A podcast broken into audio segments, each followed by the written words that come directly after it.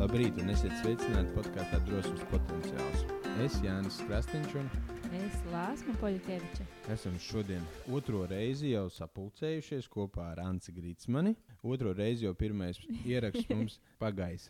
Līdz ar to mēs sākam to atkal. Un šodien mēs runāsim par pašizaugsmi, par terapeitisko mākslu, par laimes slimību, par drosmi un par sievietēm. Un es gribētu saprast, kas tas īsti ir, kā tas viss iet kopā un, un kas tas īsti nav. Ance, labrīt! Labrīt, Jāni. uh, prieks jūs abus redzēt, ir otro reizi. un Tas jautājums jau ir tāds ļoti interesants. Ko mēs tādu pateicām uh, tajā pirmajā reizē, ko nedrīkstēja pārējie dzirdēt? Mm -hmm. Un uh, šoreiz, uh, šoreiz tu ļoti daudz jautājumus uzdevi. Es ceru, ka tu viņus atkārtosi, lai es uh, varētu lēnām viņus tā sagramot. Bet, uh, uh, tad, tad, uh, kas tad ir? Uh, Ar ko tad es nodarbojos? Es nodarbojos ar pašizaugsmes meistarklasēm, kurās es izmantoju terapeitiskās mākslas metodes. Un, tā mana mērķa auditorija pašlaik ir laimes slimnieki, sievietes pēc 30, kas vēlas savā dzīvē kaut ko mainīt. Uh, Un uh, kā arī uh, tādi so, uh, tās so, sociālās riska grupas, bērni, jaunieši no maznodrošinātām ģimenēm, daudz bērnu ģimenēm. Un, Anse, varbūt tu varētu sākt iezīmēt vairāk to, ko nozīmē terapeitiskā māksla un ar ko tas atšķirās no varbūt biežāk dzirdēta termina mākslas terapija. Uh, Paldies, ļoti labs jautājums. Um, Es, uh, man bija tā brīnišķīgā iespēja uh, mācīties Stradiņu universitātē mākslas terapijā, uh, maģistra programmā. Um, Es viņu kancelēju, uh, nomācoties kādu zināmu laiku, un um, izlēmu, ka turpināšu rakstīt savu doktora disertāciju mākslas vēsturē. Un, uh, Tāpēc uh, nodarbojos tieši ar pašizaugsmes meistarklasēm, kas uh, dod šo iespēju nevis nākt uz terapiju pie terapeita, bet nākt pie mākslinieka un darboties ar mākslu, ar mākslas procesu, ar mākslas materiāliem un izzināt vairāk uh, mākslas vēsturi un to akadēmisko pieejamību, ko mākslas vēsturnieki var uzlikt uz laikās. Tātad uh, mākslas uh, terapija ir terapeitisks process, kur ir jānonāk līdz kādā, uh, kur ir terapeits pirmām kārtām. Pacients atnāk pie terapeita. Uh, otrām kārtām uh, uzsvers netiek likts uz uh, mākslas procesu. Mhm. Uh, bet uh, tad, kad cilvēks atnāk pie manis, es izmantoju mākslas metodiku un mākslas terapijas uzdevumus. Es cilvēku neterapeitēju, bet mēs liekam uzsvaru uz pašu procesu. Kā radīt jaunu mākslu no tiem talantiem, kas ir cilvēkam. Mhm. Vai es pareizi tevi saprotu, tātad, ka terapijā tā vairāk ir tiešām darbošanās cilvēkam pašam ar aktuālajām tēmām? Tātad terapija vienkārši izmantojot mākslas elementus, bet tev savukārt ir nodarbošanās ar mākslu, iespējams izmantojot kaut kādus terapijas elementus. Jā, tu esi uzsvērusi pilnīgi pareizi to atšķirību. Uh, jo tad uh, terapeits terapeitē, Mhm. mākslinieks veido mākslu. Un tas ir tas, ko es vēlos uh, palīdzēt saprast uh, ikvienam cilvēkam, ka ik viens var būt mākslinieks. Mm. Un ik viens var sevī atraisīt šo te radošo potenciālu. Mhm. Tad uh, interesanti, kā caur šo mākslu tas var palīdzēt manai pašizaugsmai. Tu atklāji, ka tu esi talantīga. Un brīdī, kad tu atklāji, ka tu esi talantīga, tevī radās prieks un laime pašai par sevi. Un tu, jū, eh, tu jūties apmierināta ar sevi. Un kas notiek ar taviem līdzcilvēkiem? Viņi tieši tāpat sāk justies laimīgi, tāpēc, ka tu esi laimīga. Es gribēju paprasīt, kā tu līdz tam vispār nonāci? Kā tu nonāci līdz tai e, mākslai, līdz terapeitiskai mākslai, un kādus talantus tu sevi esi atklājuši caur šo procesu? Mhm. Paldies! Um, jāsaka tā, ka es mācījos uh, vidusskolā ar uh, ekonomikas un angļu valodas novirzienu. Un, uh, es jau 9. klasē sapratu, ka nu, es nebūšu oficiāls darbinieks. Es nebūšu jurists, kā to vēlas mans tētis, bet es gribu ar mākslu saistīt savu dzīvi. Nu, es jūtu, ka tas tā ir. Un uh, 9. klasē es sāku iet uz mākslas skolu un sāku nodarboties paralēli vidusskolai, es sāku nodarboties ar mākslu. Beidzot vidusskolā, es aizgāju uz uh, augstskolu, kurā es varēju apgūt sakrālo mākslu, teoloģiju. Un, uh, un uh, pabeidzu šo te uh, augstskolu uh, ar akadēmisko grādu mākslās. Pēc tam es aizbraucu uz Vāciju. Un Vācijā, protams, kā uh, kā laikmatīgās mākslas, tādā milzīgā haosā. Un, um, man, man tas bija tāds jauns, jauns atklājums, ka wow, īstenībā laikmatīgā māksla ir ļoti uh, emocionāli piesātināta, un viņa nav didaktiska. Tu, tev nav jāparāda, ka tas ir cilvēks, lai konkrēti, realistiski, lai saprastu, ka tiešām tas ir cilvēks tur atveidots. Nu, kā, kā laikmatīgā māksla runā. Um, uh, Laikmatīgo mākslu ir jāpl, jāprot lasīt caur rindiņām. Tā pārnestā nozīmē. Un tas man bija tāds atklājums. Un, un uh, tajā brīdī es, es jau tad sapratu, ka māksla man ir neatņemama dzīves sastāvdaļa atbraucot atpakaļ, pagāja gads, man bija uh, ļoti liels pārdzīvojums, jo man tēvs nomira trīs mēnešu laikā. Un, uh, savukārt tas bija tāds pagrieziena punkts, kad es sapratu, ok, es uh, nebūšu klaidonis, es neklaiņošu pa pasauli, es gribu dzīvot vienā vietā, es gribu uh, darboties ar mākslu. Un, uh, un izmantot uh, šos mākslas rīkus, lai pati justos uh, labi. Un tikai pēc tam nāca man saprāšana, ka jā, šie mākslas rīki man palīdz justies labi, bet arī cilvēki sāk, sāk nākt un lipt man apkārt un prasa, iedod mums arī to, ko tu, ko tu dari, kas tev liek justies labi. Un tādā veidā es nonācu pie terapeitiskās mākslas rīkiem.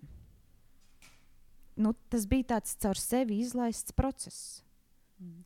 Tu vari nedaudz ieskicēt, kas ir tie mākslas rīki, par ko tu runā? Mākslas rīki. Uh, daža, ļoti dažādi materiāli. Tur eļļas krāsas, tur pigmenti, uh, krīts, želatīns. Viss, ko tu vari izmantot. Jebkas jeb, jeb kādi koki, ko tu vari atrast uh, mežā, vai akmeņi, ko tu vari atrast pie jūras, jebkas materiāli dažādi. Uzdevumi ļoti dažādi, ko tu vari uh, sev uzdot un, ka, un saviem apkārtējiem uzdot, ar kuriem tu strādā. Tātad ļoti dažādi tie rīki. Mhm. Un es atceros, mūsu pirmajā sarunā tu padalījies ar šo te, e, trauku plēšanu līmēšanu kopā ja tev nav grūti, varbūt tu varētu atkārtot, jo man likās tas tik fantastisks piemērs. Uh, jā, nu, redzi, tad, kad uh, cilvēks mācās mākslu, tad tie pirmie soļi ir tādi, ka uh, viņam māca kopēt vecmeistarus. Un mēs mācāmies no vecmeistara tehnikas, kā viņi darīja, tā mēs arī mācāmies. Nu, re, Kaut kādā brīdī, kad man pašai bija tāds ļoti radošs pārdzīvojums, es atradu tādu japāņu metodi, ka viņi savus saplēstos traukus līmē kopā ar zeltu. Un tādā veidā viņi šiem saplīsušajiem traukiem dod jaunu dzīvi. Un, protams, ka man kā radošam cilvēkam radās uzreiz tāda tāds pārklājums, ka, jā, nu, protams, mēs izlādējam savas emocijas, mēs saplēšam tos traukus, un pēc tam mēs viņus, tās emocijas un tās lauskas varam transformēt jaunā mākslas objektā. Un, protams, ka tur apakšā ir tā, tā vēlme strādāt ar emocijām savām. Un uh, paralēli arī uh, saplēst traukus, piemēram, kurus mums ir uzdāvinājis cilvēks, ko mēs varbūt uh, uh, ne, nevēlamies, par, ku, par kuru mēs nevaram, nevēlamies atcerēties. Un, lai neizmestu šos skaistos uh, traukus ārā, mēs viņus uh, saplēšam un izveidojam jaunā mākslas objektā. Un mēs esam transformējuši gan to fizisko matēriju, gan arī piestrādājuši pie tā, ka mēs vēlamies transformēt sevi. Es gribēju paprasīt vairāk par taviem klientiem. Varbūt. Uh, tu teici iepriekš, ka tu strādā pārsvarā ar sievietēm. Varbūt tu vari pateikt, kāpēc strādā tieši ar sievietēm. Tev ir kaut kas pret vīriešiem, vai, vai, vai tieši otrādi, vairāk pret sievietēm. Uh, nu tā tad uh, es sievietes es labāk pazīstu, jo es pati esmu sieviete. Uh, Tātad nu, bērnus uh, es labāk saprotu, jo es ar bērniem esmu ļoti daudz strādājusi. Uh, savukārt ar vīriešiem ir uh, nedaudz sarežģītāk, jo es pati neesmu vīrietis, un man ir daudz uh, grūtāk šo vīrišķu auditoriju izprast. Um, ar sievietēm, ar sievietēm nu, pārsvarā tās ir bijušas sievietes pēc 29, pēc 30, tad, kad viņas jau savā dzīvē ir um, sasniegušas kaut kādu zināmu, atpazīstamu līmeni karjerā, un tad viņas vēlas uh, nedaudz nomierināties un paskatīties uz savu dzīvi vēl vienreiz, un uh, iespējams nedaudz transformēt un koncentrēties nevis vairāk uz savu karjeru, bet uz uh, savu pašizaugsmi. Un tad viņas nāk pie manis. Viņas atrod iespēju, kā caur mākslu, pilnveidoties un pilnveid, pilnveidot savu personību. Teici, ka tu um, vīrieši saprot mazāk. Ja? Tā ir mm -hmm. uh, Tas varbūt varētu būt iemesls. Man, man tieši interesanti ir. Es pats, man pašam patīk parasti līdz tur, kur es nesaprotu, lai saprastu vairāk. Bet uh, es domāju, kas varbūt tavā, tavā skatījumā ir tā lielā atšķirība starp vīriešiem un sievietēm? Jā, nu, pirmkārt, jau vizuāli. Otrām kārtām, protams, kā arī, nu, protams, kā arī uh, veids, kādā sieviete domā un kādā domā vīrietis. Mēs, esam, uh, mēs nākam no divām dažādām planētām. Nu, pilnīgi. Vīrietis domā Es no savādāk. No nu, kurienes? jā, nu redzi, es no mēnesis. un, uh, un vīrietis domā kaut kā no viena rakursa skatoties, sieviete domā skatoties no otra rakursa. Mm. Un tāpēc jau ir tas skaistums, kad uh, savienojoties, viņi spēja radīt uh, tādu kopēju, vis, vispusēju skatījumu. Bet uh, tad, kad katrs ir no atsevišķa, no savas puses, tur uh, savādākas tās idejas, savādāki pieejami. Vienkārši man kā uh, pasniedzējam ir uh, vieglāk strādāt ar to, ko es pazīstu, nekā ar to, ko es nepazīstu. Jo nu, pasniedzējs un um, uh, klients tur ir uh, zināma robeža, kas ir jāievēro. Un šī robeža, uh, tad, kad atnāk vīrietis pie tevis, pie manis, um, vai nu, vai nu mm, uz studiju kādu iemeslu dēļ, uh, un viņš, viņš saka, Ance, es gribu nākt pie tevis pagleznot, man ir um, daudz skaidrāk jāsaprot uh, robežas, kuras ir jānovelk, lai viņš drīkstētu nākt gleznot pie manis uz studiju. Ar sievieti daudz vienkāršāk. Mhm. Man liekas, ka to ir tā arī nedaudz sarežģīti izskaidrot, jo man liekas, ka sievietes tomēr vairāk jūt un viss mm. -hmm. iet caur tām emocijām, un vīriešiem iet caur to racionālo prātu. Tiklīdz ir problēma, ok, meklējam risinājumu. Mēs vairāk varbūt sajūtam ārprāts un šādi un tā, un, un tikai tad mēs varam sākt domāt par risinājumu. Bet uh, kaut kādā ziņā es tev pievienojos, jo es arī esmu izvēlējies vairāk to mērķa auditoriju strādāt ar sievietēm. Un uh, ir arī tāds teiciens, ka mēs nevaram otru aizvest tālāk tik, uh, par to, kur mēs esam paši tikuši. Un, uh, mans tas ceļš arī attiecīgi ir bijis tāds, kāds man, un es vairāk sajūtu šo sievišķo enerģiju. Bet, protams, ka tas netraucē un neliedz strādāt arī ar vīriešiem. Ir, man liekas, ka ļoti dažādas pieejas un ļoti dažādi arī speciālisti. Jā, protams, ka tad, kad es uh, veidoju grupu nodarbības bez problēmām, tad, kad es taisu team buildingus, tur uh, jauktu tipu auditoriju, tur nav, tur nav problēma. Jo tā nav mana studija, tas ir ārpus manām telpām, tā nav mana privātā zona. Uh, tur runa ir par to, ka uh, cilvēks ienāk tavā privātajā zonā. Mums bija vairāk arī klausītāju jautājumi, un man te gribās šobrīd vienu no tiem nolasīt. Un, um, tas ir par to, kā atraisīt sevī to mākslas potenciālu, ja es kā cilvēks nāku no pilnīgi citas sfēras, no citas vides, un man ir licies, nu, ka māksla nav man, es neesmu radoša. Kā es varu sevi atraisīt šo radošumu? Tieši tāpēc tu nāc pie manis, lai es tev palīdzētu to izdarīt. Ok, bet uh, kādi vēl var būt varianti, ja es vēl neesmu līdz tevīm nonākusi? Uh, nu, tādā gadījumā tu droši vien sāksi meklēt sev uh, kādas radošas, uh, sākumā aktivitātes, kas tev pašai neliks uh, iesaistīties uh, pārāk lielā mērā. Nu, piemēram, tu iesi uz koncertiem. Uh, tu iesi uz uh, muzejiem un skatīsies mākslu un baudīsi mākslu. Tu iesi, nākamais solis jau būs uz kādām atvērtām meistardarbnīcām, kur ir lielāks kontingents ar cilvēkiem, uh, kur visi kopā varbūt jau sāk kaut ko darīt un veidot, un varbūt pat kustēties. Uh, Uh, tu, un tad jau, tad jau, kad tu būsi šos divus etapus izgājusi no skatīšanās, un tad jau lēnām sākusi uh, grupu veidā iesaistīties kādā radošā aktivitātē, tev pēc kāda laika radīsies vēlme, hmm, varbūt tomēr manī arī kaut kas ir. Varbūt man vajag kādu, kas man palīdzētu atraisīties. Un tad jau tu sāc meklēt, vai nu dziedāšanas skolotājs sev, mm. vai nu, vai nu pašizaugsmes uh, treneris sev, vai nu, uh, vai nu pagleznot nedaudz kādā vietā, vai nu uh, kādu performanču klubiņu, kurā kopā ar performanci nodarboties. Mm. Ļoti plašs iespēja klāsts. Kā tev liekas, kas ir tas, kas cilvēkiem neļauj atraisīties?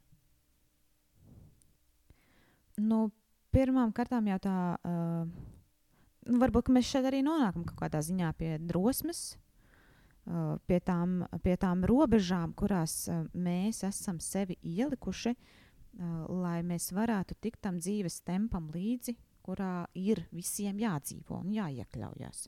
Nu, teiksim tā, līdz pandēmijas laikam. Tagad, pēc pandēmijas uh, hausa, tas ir pilnīgi savādāks periods, ir sācies. Uh, Un tagad ir ļoti jāsaprot, ko ar šo periodu darīt un kas ar cilvēkiem vispār ir noticis šī perioda laikā. Bet uh, līdz tam uh, tas uh, ritms bija tik uh, strauji, ka uh, radošam cilvēkam bija ļoti grūti viņā dzīvot un tikt tam visam līdz tam ritmam. Savukārt, uh, tie cilvēki, kas iemācījās sevi ielikt rāmī un uh, uh, iet tādā sazobē ar laika ritmu, uh, viņi ļoti labi uh, tika uz priekšu uh, un eksistēja šajā ritmā, mm. kopējā ritmā. Jā, man liekas, tas atslēgas vārds ir eksistēja.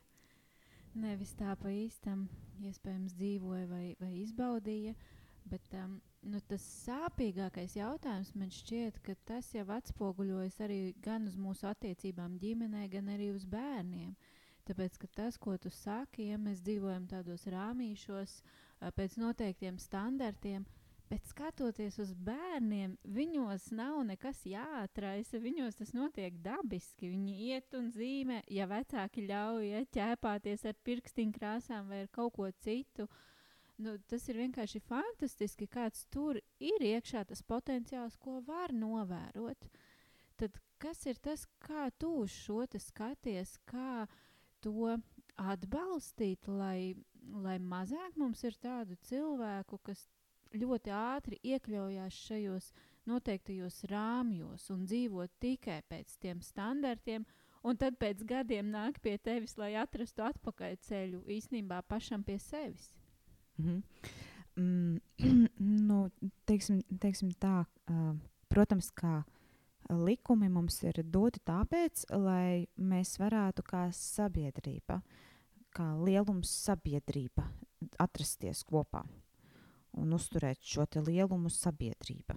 Tāpēc ir likumi, kas palīdz mums kopā visiem sadzīvot. Nu, piemēram, mēs visi esam vienojušies Eiropā par to, ka mēs braucam pie, sa, pie zaļās gaismas. Pie sarkanās luksofora gaismas mēs apstājamies. Un tas ir likums, kas mums palīdz kā sabiedrībai dzīvot.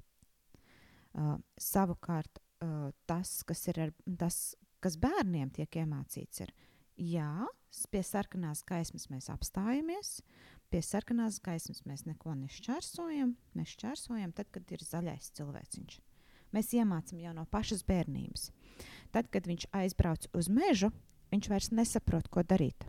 Te nav sarkanās gaismas, te nav zaļās gaismas, Ak, ko man vispār šeit darīt? Izklaidējiet mani, parādiet man priekšā, kas man ir jādara.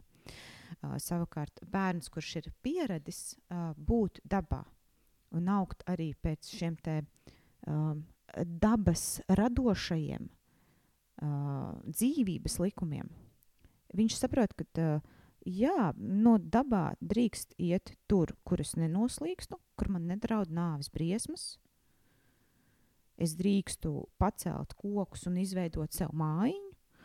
Es drīkstu uzkāpt kop, kokā un uzbūvēt tur mājiņu.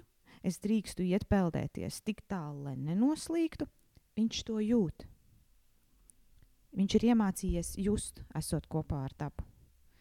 Tāpēc vecākiem, uh, protams, kad, uh, tas, ko es novēlu, ir uh, vediet bērnus pēc iespējas vairāk ārā, darbojieties ar viņiem kopā ārā, certiet malku, brauciet pastaigām uz jūrmalu, uz mežiem. Darbojieties brīvā dabā, tur, kur ir svaigs gaiss. Ar mazāk šiem te, ko drīkst un ko nedrīkst. Nē, ūdenī neskrien, tev būs slapjas kājas. Vai visiem pārējiem noteikumiem, ko mēs uh, mēdzam ienest arī šajā brīvajā vidē. Tu runāji par tādām eksistenciālām lietām, un, un principā es vismaz tā sajūtos par dabu, par kaut ko tādu. Un, un, un, un tu runāji par to, ka Lāsma teica, izbaudīt dzīvi. Mm -hmm. Un, uh, man tāda, man tā, es ienācu prātā tāds, uh, ja es savā galvā varu izbaudīt nāvi, es varu arī izbaudīt dzīvi kaut kādā ziņā, tādā, kad es nebaidos. Es nebēgu no, no, no un negribu ar visām varēm to dzīvi izbaudīt un ķert to labo, jo nu, viņi nāk ar daudziem pārdzīvojumiem, ar uh, izaicinājumiem.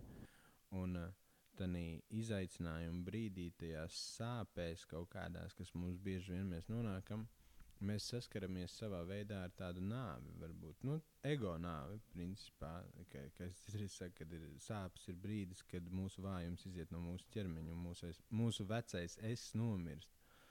Un tās attiecības ar nāvi, tāpēc man tas jautājums bija. Nu, nāve ir transformācija.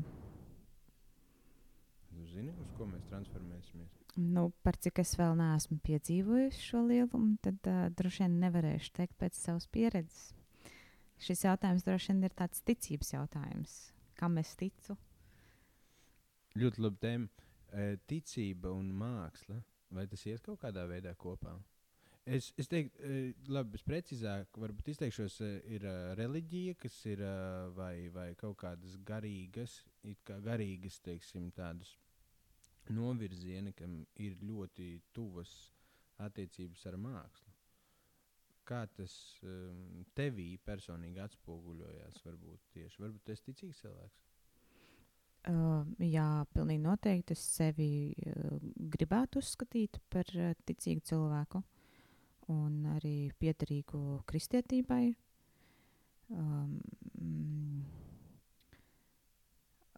un, uh, ziniet, uh, paskatieties uz tādiem lielajiem vārdiem uh, mākslā, un jūs sapratīsiet, ka es teikšu, uh, aizgājušajiem māksliniekiem. Um, viņi, viņiem ir vienmēr bijusi diezgan cieša saistība ar, ar uh, reliģiju, ar ticību. Jo nu, ticība, ticība ir prakse, kura atver uh, mm, tādus garīgus slāņus, ko nepraktizējošs cilvēks uh, nevar atvērt. Nu, diezgan tā buta, butafora izklausās. Ja es uzzīmētu, varbūt būtu skaidrāk. Ko tu zīmētu? Uh, es zīmēju daudz apļus. Man vienmēr licies, ka garīgais, eh, ka garīgums ir, eh, ir eh, iziet no apļa. E- Iziet no apļa Es, jā, un iekļūt nākamajā. tad es mēģināšu paskaidrot no visu to, eh, kad viss mūsu cikls dzīves, nu, vai, vai kaut kāds, ir um, tiksim, arī kaut kāda kompulsivitāte vai uh, obsesīva, kompulsīvās visādas izdarības. Ir uh, saistīta ar uh, atkārtošanos. Mēs atkārtojam nepārtraukti vienu un to pašu. Mēs laikam par īņķi. Un, uh, un uh, arī mūsu, ja mēs skatāmies, nu, viss ir apaļš pasaulē, dzīvē, un arī mūsu dzīves cikli, un arī šūnas, un, un atomi, un viss, kas tur riņķo. Un uh, interesanti ir, ka, ja mēs paskatāmies uz, teiksim, uh, kaut kur, nezinu, kalnos, kur mūki meditē vai kaut ko tādu, viņi sēž, viņi apstājās. Viņi palielina teiksim, savu metabolismu, sēžot mierīgi ilgu laiku. Palielinoties metabolismam, pa, palielinās viss. Un tā teorija tāda, ka viņš sāk iziet, viņš sāk uh, salauzt to, uh, salauzt to nelauzt, bet lēnām izliekt, iztaisnot to apli, un tie riņķi, tā spirāli paliek ar vien lielāka.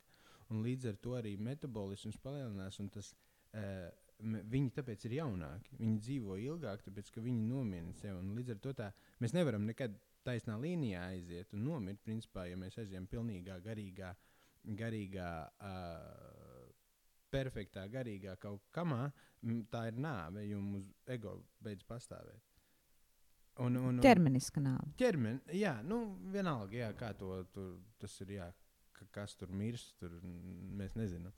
Bet man vienkārši tā teorija bija tāda, ka nu, tas ir tā, tā līnija, principā tas ir tas perfektais garīgums, bet tiklīdz mēs apstāmies uz to līniju, mums paliek nedaudz bail. Un bail paliek tikai ego. Mēs gribam to apli. Un Tāpēc, ka mē, mūsu ego grib to apli. Mums grib, jo tas ir dabīgs kaut kas, bet dabīgs priekš ego, nevis priekš Mm. Jo bailes nāk tikai ego. Um, Bet uh, tādā uh, vēsturiskajā, reliģiskajā simbolikā aplis ir nebeidzamības simbols. Arī matemātikā divi apli kopā tā ir uh, nebeidzamība. Uh, un, uh, ja, tā ir jauna transformācija. Jā, bet tā nebeidzamības simbols ir uz, uzgleznojis cilvēks, kuram bija ego. Mhm. Man paliek interesanti, kur tad mākslā parādās mūsu ego. No grieķu valodas vārds ego nozīmē es. Uh, Grieķu valodā, um, vismaz uh, mūsdienu grieķu vārdu ego izmanto ļoti reti. Viņi nesaka, es iešu uz veikalu. Viņi saka, iešu uz veikalu. Un uh, ar vārdu es viņi norāda tikai tad uz sevi, kad notiek kaut kas ļoti nozīmīgs. Um, ko es ar to gribēju pateikt? Ka, um, šis te ego, um, mēs viņu uzsveram kaut kādos brīžos, kad mēs gribam paspilgtināt teikumu, ko mēs gribam pateikt. Un droši vien tāpat arī mākslinieks. Viņš var strādāt kaut kādā, nu, viņš var strādāt uh, tādā emocionālā stāvoklī, viņš var strādāt tādā mierīgā stāvoklī, viņš var strādāt, nu, būtībā jebkurā stāvoklī. Uh, bet viņš uzsvērs es, tad, kad viņš gribēs, lai akcents ir uz kaut ko.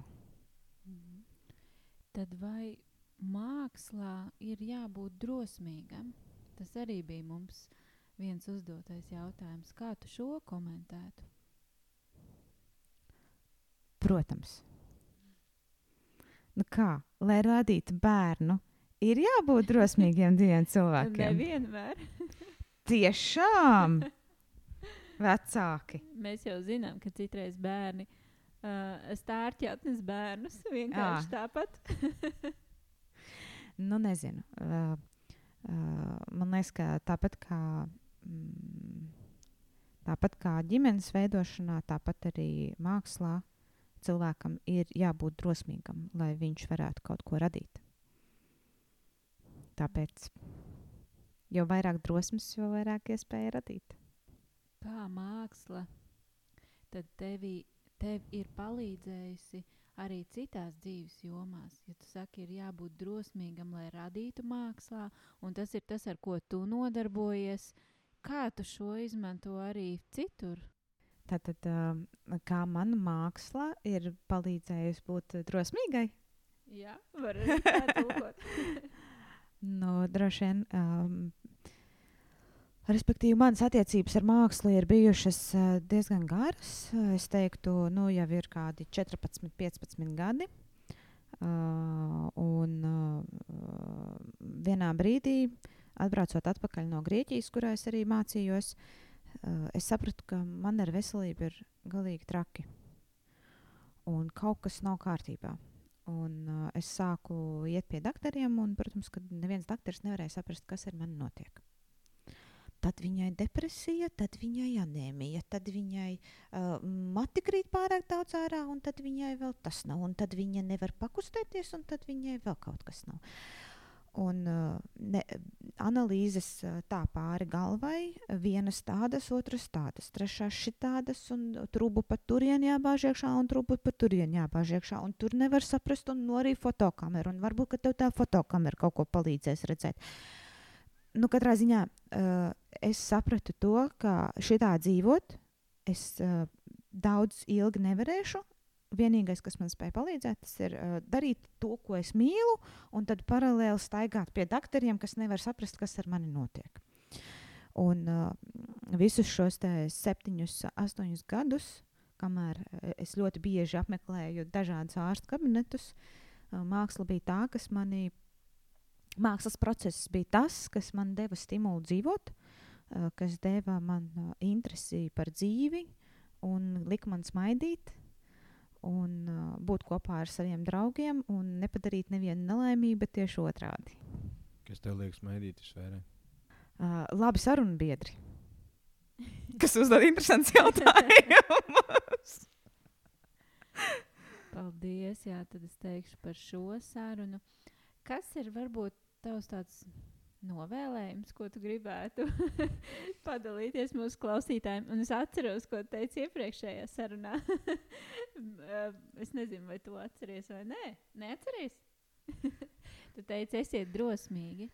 Bet kas ir tas, kas šobrīd uh, ir tāds svarīgākais, ko tu gribētu arī citiem pateikt? nu, droši vien, ka es paturpināšu to, ko es uh, vēlēju pagājušā reizē.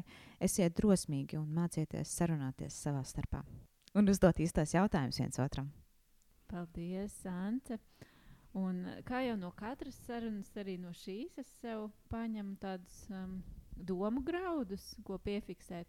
Un uh, šajā reizē es sev atzīmēju to, ko tu teici, ka māksla palīdz apzināties savus talantus un ir jābūt drosmīgam, lai nodarbotos ar mākslu. Tātad mums ir jābūt drosmīgiem, lai spētu ieskatīties sevi un atklāt vēlreiz sevi tos talantus, kas patiesībā tur ir dziļi iekšā.